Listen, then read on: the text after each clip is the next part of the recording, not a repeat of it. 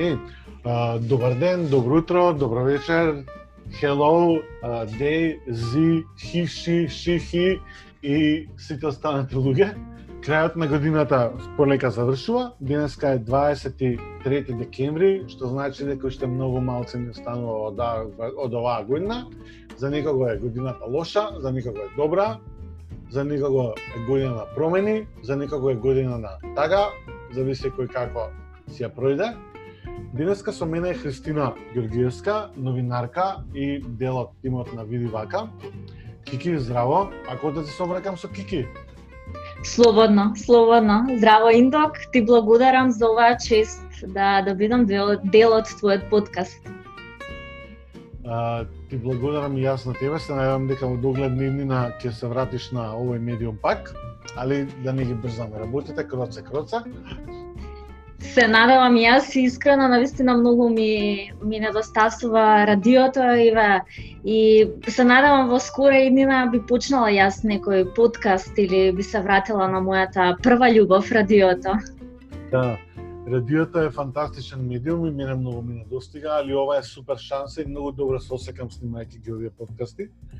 Така да веројатно да не беше пандемијава, може и никад немаше ни да почнам да го снимам, така да све си дое своје време. Ета позитивна работа, пандемијава некако не направи многу по-креативни и да правиме работи кои што никогаш не сме размислувале да ги правиме. Mm, апсолутно, дури онака многу ми е чудно кога луѓе ќе кажат најлошата година и вако викам зашто ти е најлоша година, не ми кажа некои банални работи. Ја викам извини, викам ама требаш треба си среќен што имаш кров над глава, што имаш храна, што не си раселен, што не си лице што го погодила војна, па изгубило све. Така да дискутабилно е тоа, или не ти, не ти починал некој близок. Да, и битно живи и здраве да сме сите, да. Да, очигледно е дека луѓето и различно ги перцепираат работите, али mm -hmm. секогаш треба да сме свесни и задосрекни за тоа што ни се случува, па дури и од лошите работи да вадиме нешто добро. Како да, па јас затоа и кажувам, Да, извини што те прекинав, затоа јас кажам дека ова година ни беше една шлаканица на на цело човештво што што се случи да видиме дека и тие некои секојдневни работи кои што не ги цениме, кога ќе ги изгубиме веројатно кога ќе заврши се тоа ќе почнеме повеќе да ги цениме.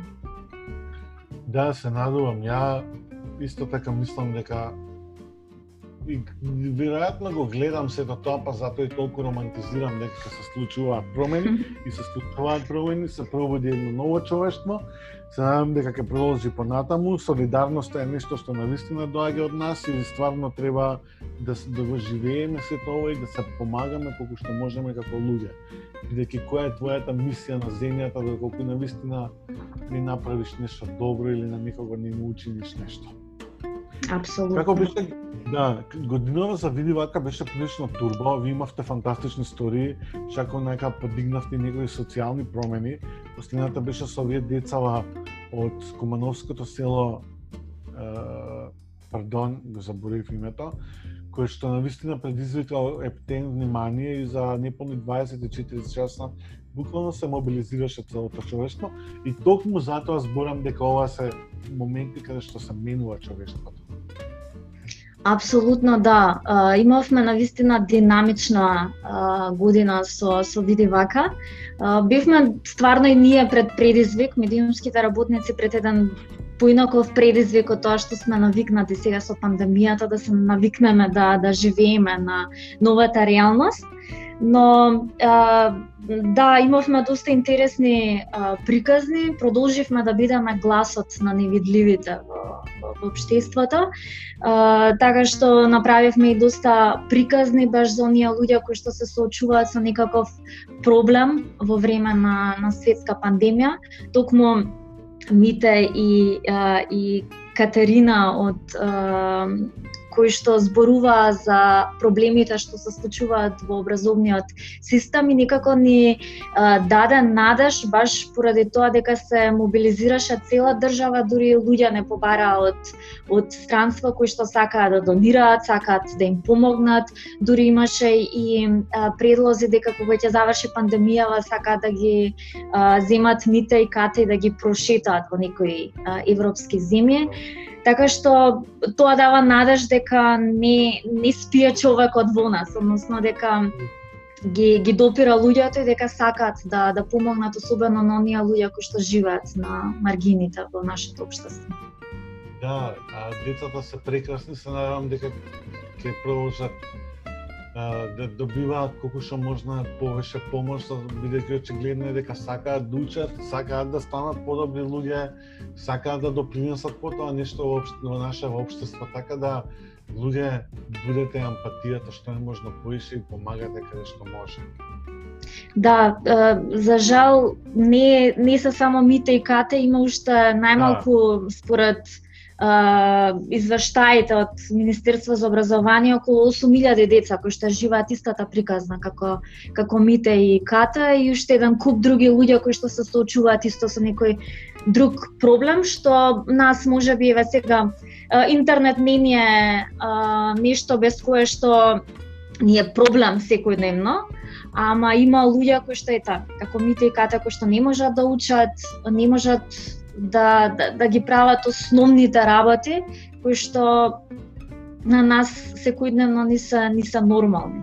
Така што баш тоа што го кажа Индок дека треба да ја разбудиме се повеќе и повеќе емпатијата кај кај луѓето. Апсолутно.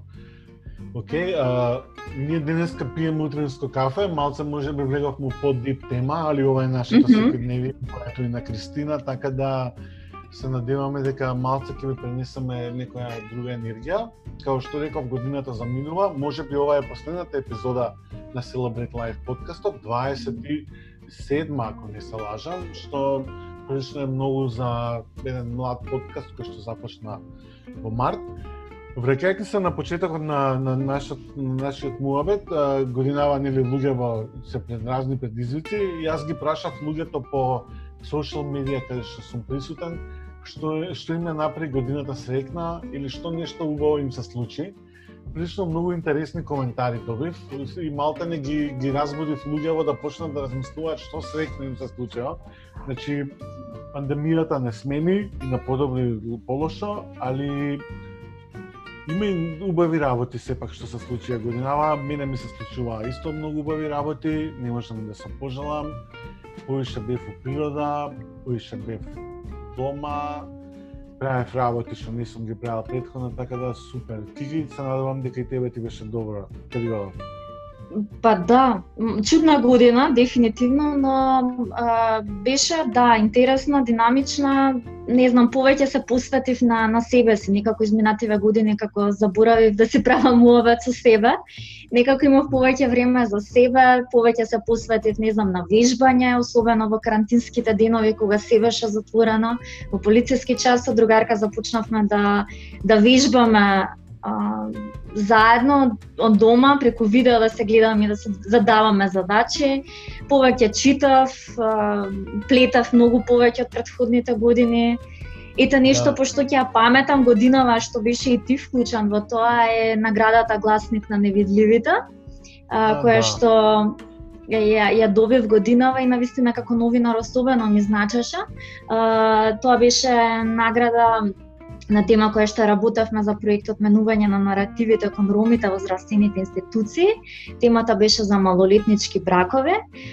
Ти беше вклучен како дизајнер за графичката вест, што ми се чини дека бевме први во државава, па може и пошироко, кој што работевме графичка вест токму на, на оваа тема.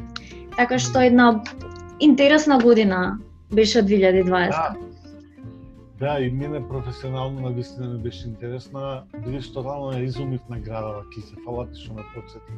Уште една причина зашто ми било уште подобра годинава. Фала ти што Ништо. Супер. Да, а, година на предизвици, година на промени, се надевам дека ќе продолжиме да се менуваме понатаму и барем за момент да, да не забораваме дека на вистина има работи на кои што треба и поише да се радуваме. Да, јас значи... се изненадев од uh, сите тие коментари што што ги прочитав, што ми ги испрати, на вистина ми е uh, мило дека многу убави работи им се случувале позитивни на на на луѓето.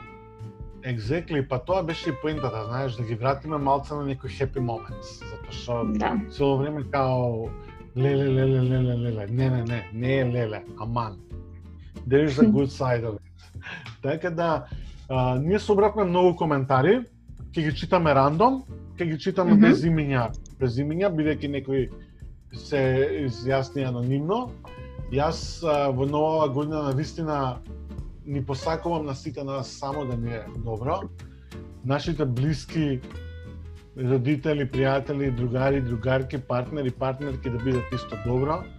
Менталното здравје исто така да ни остане во фокус, бидејќи очигледно е дека пандемијава предизвика и проблеми со менталното здравје, така да луѓе работете на себе и не дозволувајте да бидете пропастени за нешто што можете да си го смените сами, колку да е тешко работата на себе и со соочувањето со сите тие проблеми, али there is a hope always, не го заборавајте тоа. И не сте сами во целата приказна. Баш така. Баш така. Кики, ќе почнеме? Мислам сега ова малце ќе звучи као као а, репортерски прилог, али мислам дека нема да испадне така на крај. Дека Ајде повеќе како радиодрама да биде. Да. Повеќе како радиодрама. така. Ќе биде на сите што ќе биде нека даун, сакам да им оставиме печатот годинава, кога ќе ја пуштат епизодава, навистина се осеќаат добро. Не за џаби и јас сакам да да се осеќам добро кога ќе ја слушам некогаш исто така оваа епизода на Celebrate Life подкастот. Океј, Кики, ти можеш да ја отвориш. Ти ја давам честа на тебе. Ти благодарам. Се изначитав книги. Како кога бев на факултет и завршив уште два курса шпански. Да, као прилично многу. Славевме 10 години врска со партнерот. Нека ви се множат. Нека ви се множат. Се природив на село. Не сум била на фризер цела година. 50 килограми леп измесив. Испрочитав се што имав на чекање. Слушам музика на плочи и ништо не врзам веќе. Се е на тенане. Браво. Преубаво звучи ова. Наистина, дело е на happy life. Да. Ке ми вика, тоа што си дозволив да одморам од било каков обид за напредок или да се терам нешто ново да учам. Буквално вегетирам и читам книги. Конечно малку си имам средено, со кров над глава, редовна плата сигурна работа. Живеам сам, а ова го немам доживеано. Па никак од како сум сам на себе. Одморот е крајно неопходен. Прекрасно, баш ми е драго за сето ова. Браво. Ја болја година не сум имала во последниве 15 години. Топ. Топ, баш ми Мене вика, ми се роди внука, да е жива и здрава. Еве, една интересна вика, Подкако изгубив работа се напнав, научив нешто ново и ми станува професија. Се оправувам со готвење, пробав кајтсурфинг. Знам дека наредна ќе се посветам на тоа. Во принцип, годинава ми даде насока на долги патеки. Баш убаво. Ке мене вика, се пресели во нов дом, во, во нов дом, на кој што се уште се навикнува. Има едни а, за едни нови моќи. Вели, открив скриени супер моќи, готвење и пишување. Добри моќи се ова. Да, да, да, прекрасно. Ке мене вика, ми се роди внука, ги положив сите испити од мастер, отворив енлайн, една онлайн продавница која функционира одлично, отворив еден спортски веб портал прв на ромски јазик во МК и пошироко, браво. Учествував на еден клуб онлайн обуки, кој да не беше ситуацијава, веројатно немаше да се осудам да ги посетам. Браво. Супер. Прекинав да грицкам ногти. Исто така собрав храброст и посетував завар неколку пати да ги оправам завета. И научив сама да си ги кратам шишките. Интересно. Пријатно. Реновиравме стан.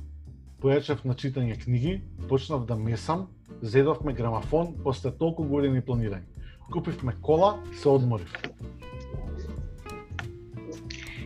Срам ми е да кажам, Ама се рокнавме од читање годинава. Со два пати неделно продавница и избегнување гужви. Например, идеш на плажа у 6.30 са бајле, се враќаш у 9.30, у сите 7 зими се осетивме безбедни. Што научивме? Да бидеме флексибилни. Е. Браво! Браво. Ослабнав, бидејќи доста време бев дома и пушев цигари. Па сега имам помали проблеми со цревата и едвата. Со тоа малку си ги подсадив стомачните проблеми, исто така пандемијата ме натера да посетам психијатар. Додам на ехо за стомакот и да закажам операција за жолчката. Поради ментална хигиена, со братоците ми откривме доста нови предели из Македонија. Научивме да спиеме во хамоци, во шума, наместо во шатори. Со хамокот често чилав и во парк, што никогаш предходно не ми текнало такво нешто. Си знаво за точак годинава. Са бајле попладне на полнок. Во секое време пандемијата ме научи повеќе да трпам ладно, бидејќи периодов зимскиот сум нон-стоп на нога, надвор. Годинава запознав една прекрасна личност. Браво, многу ми е драго за твоите промени. Браво. Година на self-healing and self-improvement. Карантинот не ме направи поголема домаќинка, ама затоа решив душата да се нахранам. Јога, медитација, реики, чисти мисли, добри енергии околу. Тројца мои блиски станаа родители годинава. Најблиските и саканите живи и здрави. Не е толку лошо. Се согласувам, не е толку лошо. Па не, не, не е толку лошо. Мгм. Ова е смешно. Алкохолик Anonymous Meetings. Иначе ова беше меме, као а, меме милион луѓе, огнаква огромна публика и вика алкохолик Anonymous Meetings. И као, е, кама бе, да, као луѓе пијат, и вика, да, пијат, ама никој не избори за тоа. Па викам, не избори, затоа што па вајде има стрес на луѓето, па мора некако да го канализира. Мгм, баш. Има една убава работа исто, а Beauty Hub, да не полудев со коронава, немаше да се случи никогаш. И драго ми е дека се случи и што со кеф се развива. Браво, нека продолжи да се развива Beauty Hub и понатаму. Да, јас ќе пробам Beauty Hub продукт, кој се надевам набрзо, па ќе ќе потврдам за тоа. Ова е интересно. Се преселив по 88 пат. Овој пат во Берлин и си го кренав чиф левелот за 15%. Браво! Дигај го чиф левелот уште поише и напред. Мгм. Еве една а, интересна и хумана, би кажала, порака. Побава година не сум имала од средно. Спасив и домив две мачиња дома, две кутриња и уште неколку мачиња по туѓи куќи. Не е многу, ама не сум ги прерипнала на улица. Добивме и го изработивме успешно првиот проект со новото здружение. Изфилтрирав Toxic Energies, отворив е, штедна книжка, положив за возачка, купивме колича, се навлеков на Udemy и остали курсаджески сајтови со точно одредена цел и најважно, си ја одморив душата. Фала ти, Индокче, што иницираш вакви теми. Фала ти што на тебе што сподели ова. Ова е битолско, ми се роди син, шо појке. Га, годинава многу дечиња се родиле, нека се живи и здрави Да. на сите. Да. Среќа, да, среќа више не прават само селјаци деца, така да ќе има и нови прогресивни деца. Ева една нова порака вели две сликовници преселба во нов дом, многу внатрешни преиспитувања, фрлани куп предмети што ме држале заробена во непостоечка сигурност, три месеци исклучен бел леп, шекер и масна храна од мене. Почнав интензивно да пишувам проза. Разговори со Надја станува човек. Прекрасно искуство. Се закачив на широк диапазон музичари и албуми, прочитав тон книги. Ми се родија три внучиња. Имав мала хируршка интервенција по која отидов на одмор и сватив дека и гледањето во езеро може да биде зен. Фала Индок што ја отвори темава. Сепак имаме убави нешта што ќе ја заокружат бизарнава година. Апсолутно се согласувам. И само напред. Ова вика moved away from the Balkans. Okay. Happy new beginning. I hope you are happy. Нависоко на листата ми е вдомување на мача како искуство што скрос ми го смени животот на поубаво, колку и да звучи клише, и целосниот однос кон домот и времето поминато дома. Многу нови текстови напишани за Медуза, зашто минатата година никако не можев да најдам доволно време и енергија и постојано барав изговори. Конечно се направив биро за дома во моментов, оттаму се јавувам. Мала интервенција, но важна и убава за мене живење со човек со сериозно добри вештини за мучкање коктели. делово ова интересно и вкусно. Едва и чекам да заврши пандемијава, па да не поканат на хоум парти со коктели. Апсолутно. Mm, може. Вика, кај мене, е, долго е. Ама ќе прочитам уште едно, бидејќи овој ден беше кратко. Вика, добивме шанса подетелно да истражиме Македонија хаштаг дома си е дома.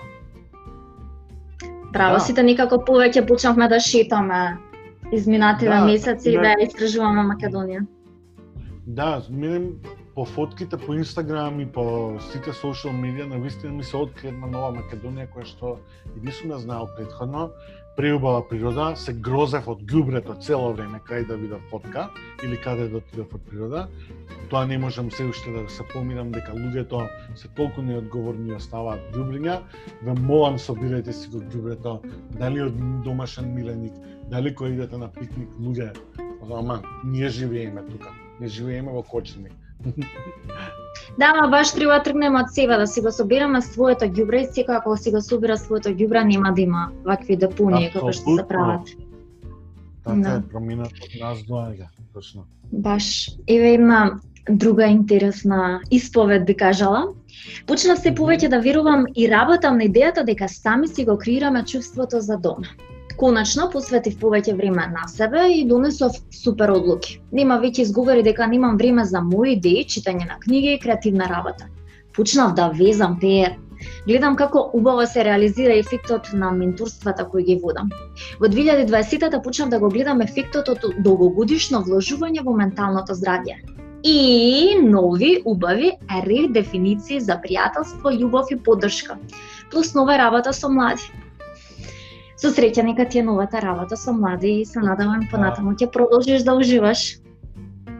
Многу добро се осеќам кога ги слушам вака поракиве, не знам ти тебе како ти, али онака мене ми прават чувство на убаво. И стварно да, да, да. ни на луѓе во што ги споделија. Убави позитивни мене... работи. Да, е тен. Ке мене вика неколку кариерни успеси и поголема посветеност кон домашниот туризам. Ова едно по друго доаѓаат со туризмот. Супер. Mm -hmm. Браво. И наредното вика, станав мрза. Па, it's okay, it's acceptable to be мрза. Да, да, нормално. Еве, мојава вели, мојава вели спрос противно од тоа, вели, Бизи почна да работи од дома, па не бев више сама по дома, добивме трајна дозвола за престој во Шведска.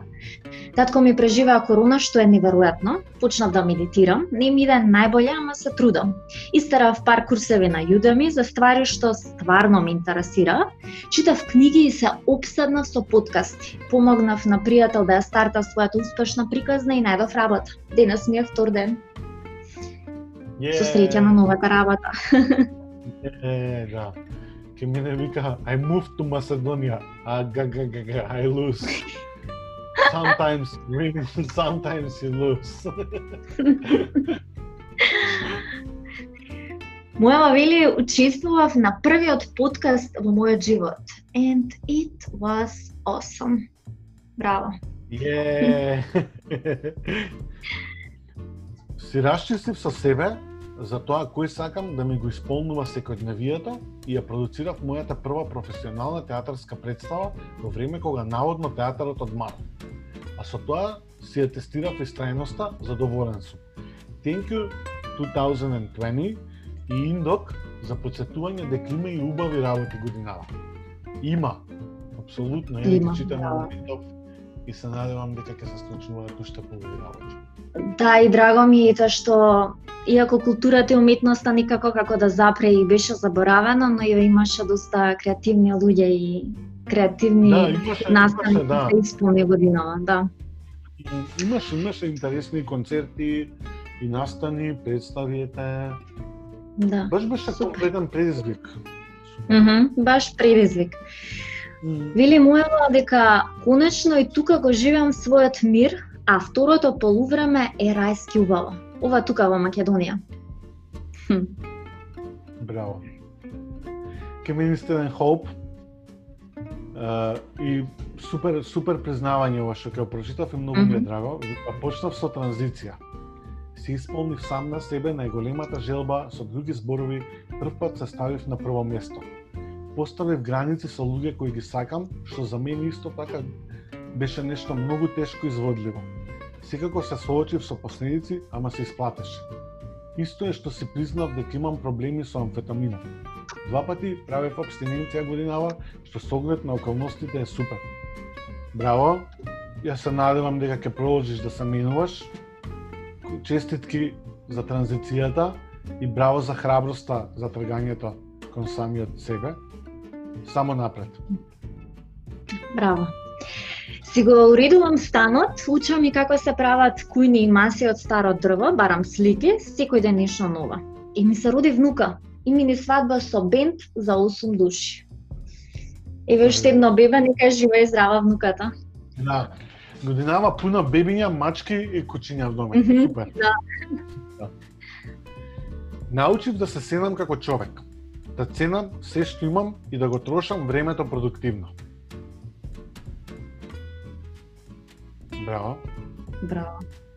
Еве се една убава работа, вели Кажав да на омилениот човек на светот и имав најкул мини ковид свадба.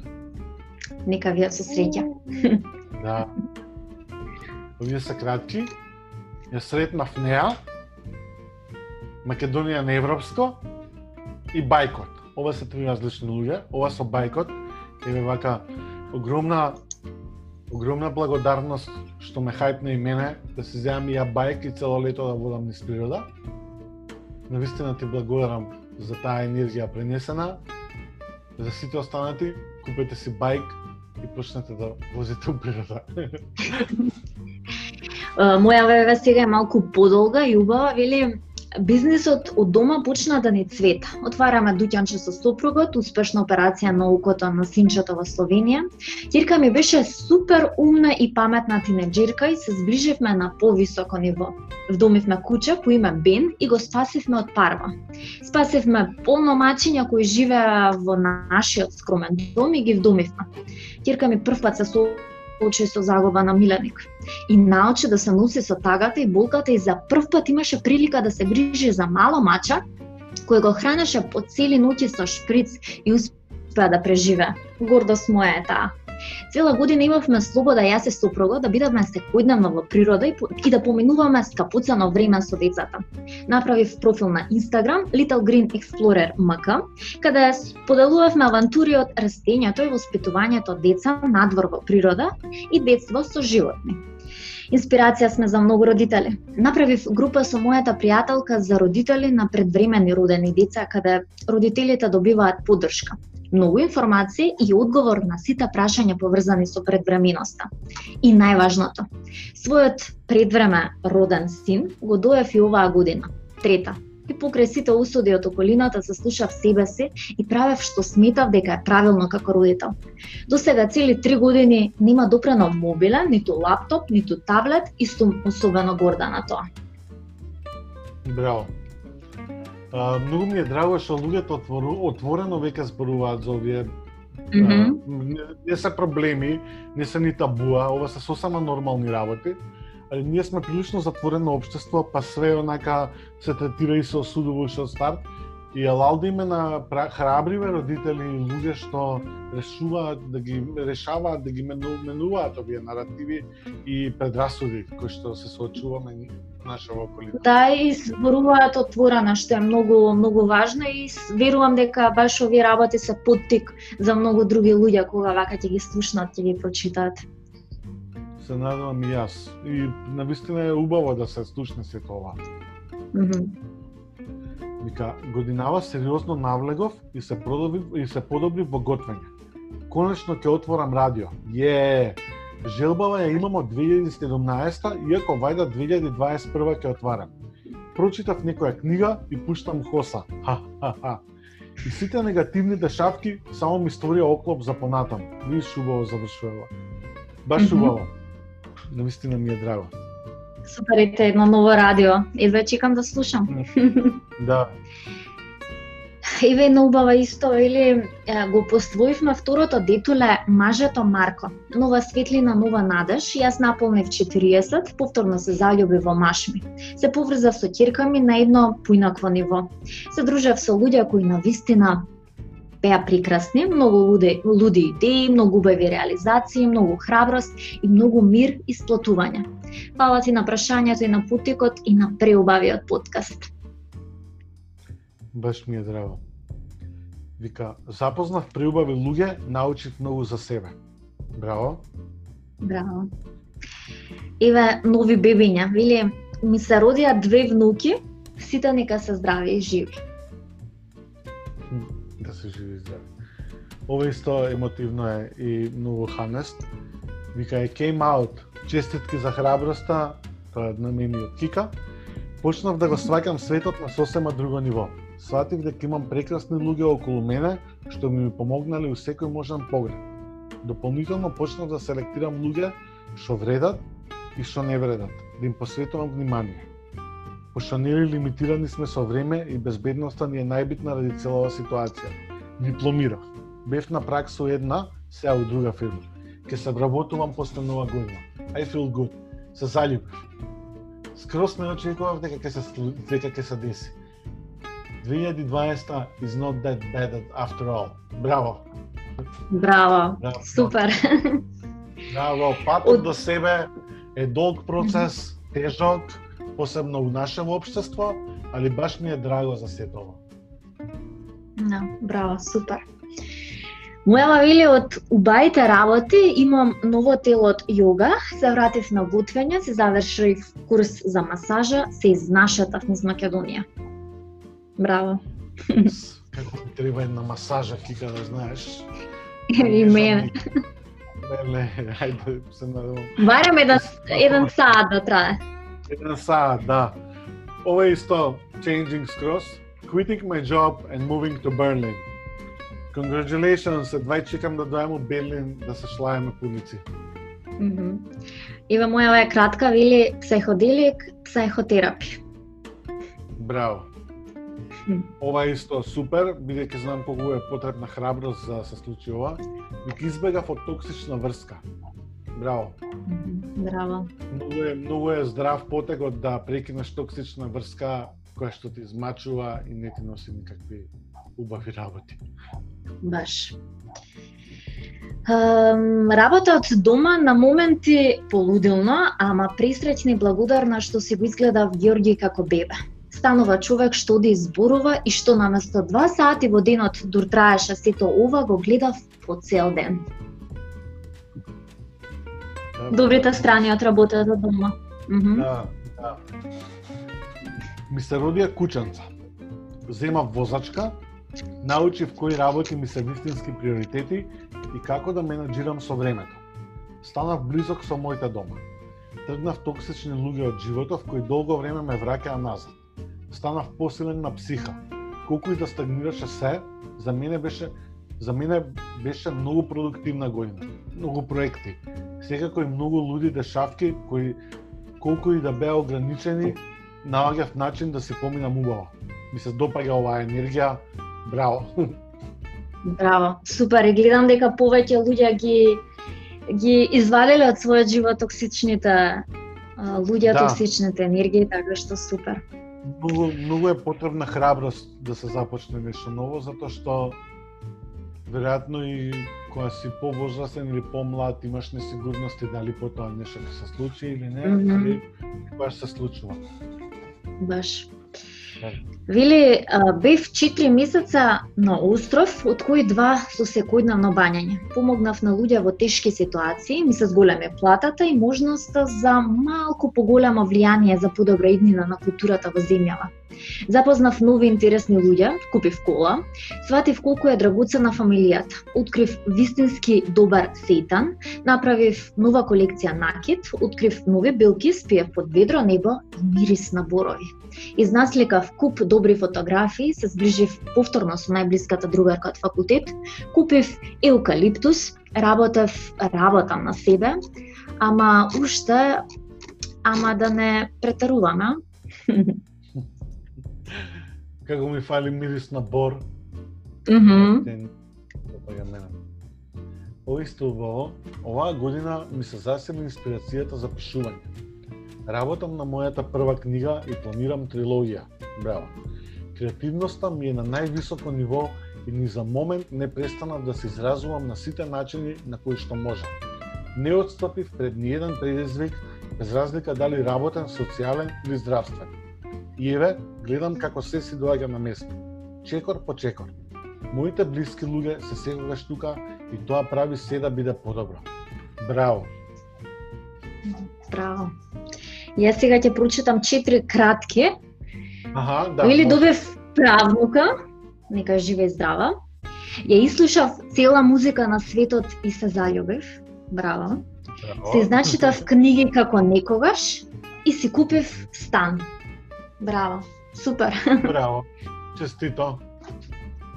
Ова е исто многу убаво. А, ако не знаете, лицето X е првото трансродово лице кое што ги замени своите документи и кое што имаше правна пресуда во судот во Страсбург и вика трпението знае да се исплати. Оваа година конечно ми беше одобрена промената за ознаката за пол во документите. Благодарение на прекрасните луѓе околу мене издржав до крај. Браво, и мене ми е драго што издржав. И не се радувам толку за себе, колку што се радувам дека ова го отвори патот за другите транс лица. Заслужуваме среќа. Апсолутно се согласувам за тоа. Апсолутно. Поздрав до лицето X и навистина еден браво за, за, за ова што се случи. Ептен. Браво за сите луѓе, во Мгм. телевизија. Да.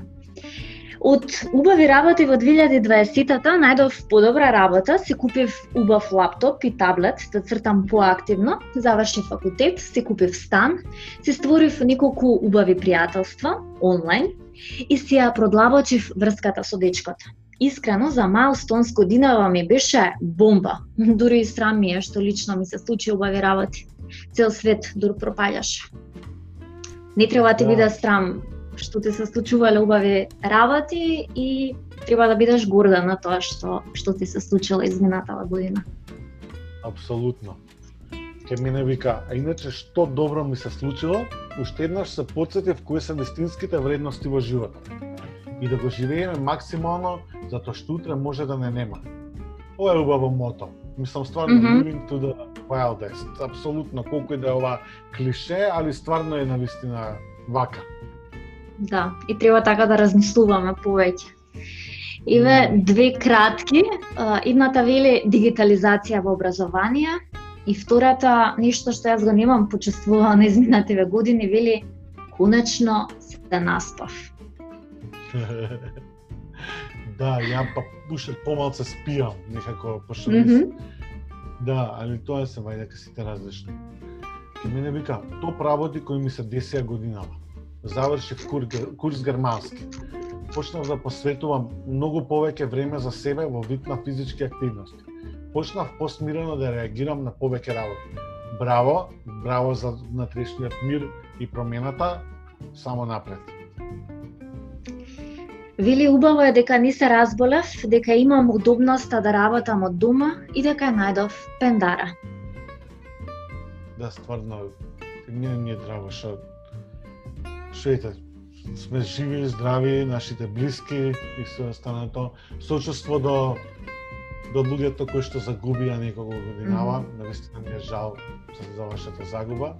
Се надевам дека во брзо време ќе стигнат вакцините, па ќе бидеме побезбедни. Ке мене вика вака.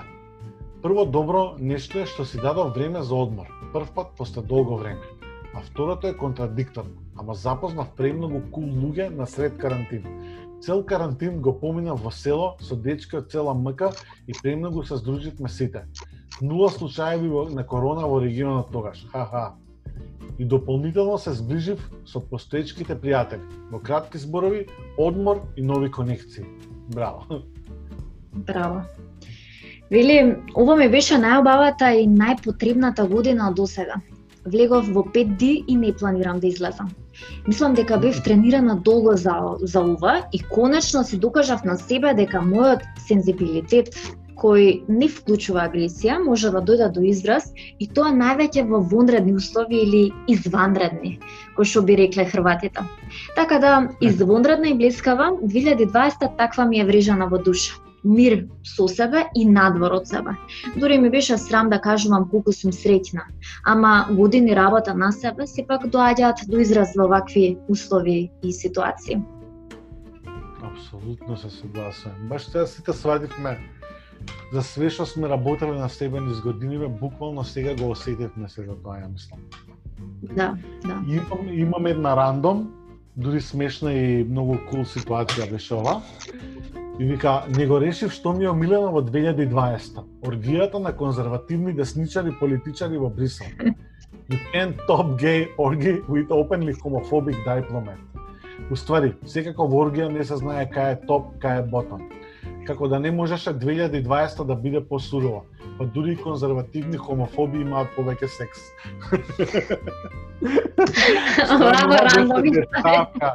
Да, ова беше стварно дешавка Поготово да. кај што овој политичаров во Будимпешта и во Унгарија им имаше направено mm -hmm. пекол животот на ЛГБТ, а и луѓето овој скришно влага во оргија усред Брисел, усред пандемија. Ова беше светски скандал, уствари. Mm -hmm. Mm -hmm. И така да поздрав до сите хомофоби. И вие сте луѓе, што да ви правиме? Баш така, вие сте луѓе и се надавам дека еден ден ќе ќе променат некои сваќања и некои размислувања, ама тоа е. Иве на крај да завршиме со една убава убава порака, вели, убави работи во 2020, сознанието дека можам да работам од дома, што предходно сум мислела дека сум канцелариски тип, што значи сосема ново сознание кое ми го смени скроз погледот за работа. Не морав да се гледам со луѓе ради реда, имав изговор иако тоа не е решение. Тоа дека можам да уживам сама со себе и дека не многу ми се потребни луѓето. Тишината во карантинските денови. Да, колку беше убава Ова е последната. Да, колку беше убава тишината, леле, тоа беше неверојатно. Маде и денови ми исто тишина, која ще там куќа на вечер, ептен некако многу ми е убава. Кика? Преку ден е хаосот, на вечер е да. се гужва. Супер, супер. Да. Малку позитивно некако сите овие работи доста убаво влијае на мене, така што цел ден веројатно ќе ги носам вака во себе и позитивно ќе влијае да. на мене Ептен. Мислам, Ептен ми е драго што го снимавме ово утренски за да можеме да движи во текот на денот. И стварно, mm -hmm. фала ти Ептен што одвои време. Фала ви на сите вас што го слушавте Celebrate Life подкастот од март наваму. Во 2021 се надевам дека ќе се случат и некои промени во подкастов. Меѓутоа, отом потом, да не збориме пред време, секоја идеја е многу мокна, но бесполезна дека не се реализира. Кика, остани добар мут, продолжи со види вака да бидете гласот на невидливите. Да вистина ми е драго што еден период и се уште сум дел од таа приказна на моменти. Mm -hmm се надевам дека ќе имам уште многу добри прилози. Јас се посакувам во 2021-та сите да бидеме среќни, да работиме на сето тоа. Материјалното е минливо. Психичкото, менталното здравје и така како се поишат побитни.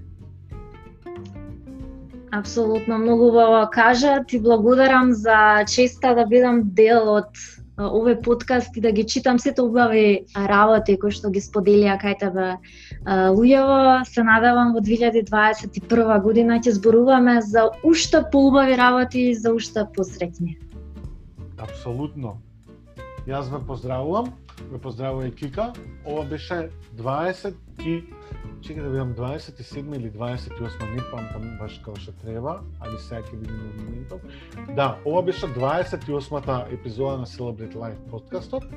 со мене денеска беше Христина Георгиевска од Види вака, која што исто така има многу благородничка мисија, секоја година плете, знам дека Кика не кеш да зборуваш за ова, али еве сега на крај ти стави потескнец, па ќе мора да го спомнеме. Ти секоја година заедно со своите другарки плетете во хуманитарни цели и ги подарувате. Знам дека некаш да го комуницираш ова и дека ти е лешинарски пиарот да се прави за сето тоа. Истото и јас го потврдувам, али ако сакаш можеш да ни кажеш поише за вашата мисија која што знам дека трае долги години, ама ако не кажеш да кажеш нема нема нема да се љутиме, ќе само ќе ќе ве охрабрам да продолжите да го правите тоа што го правите. Да, ти, ти благодарам, едноставно јас и што две мои другарки, Ирина и Наташа, изминативе неколку години.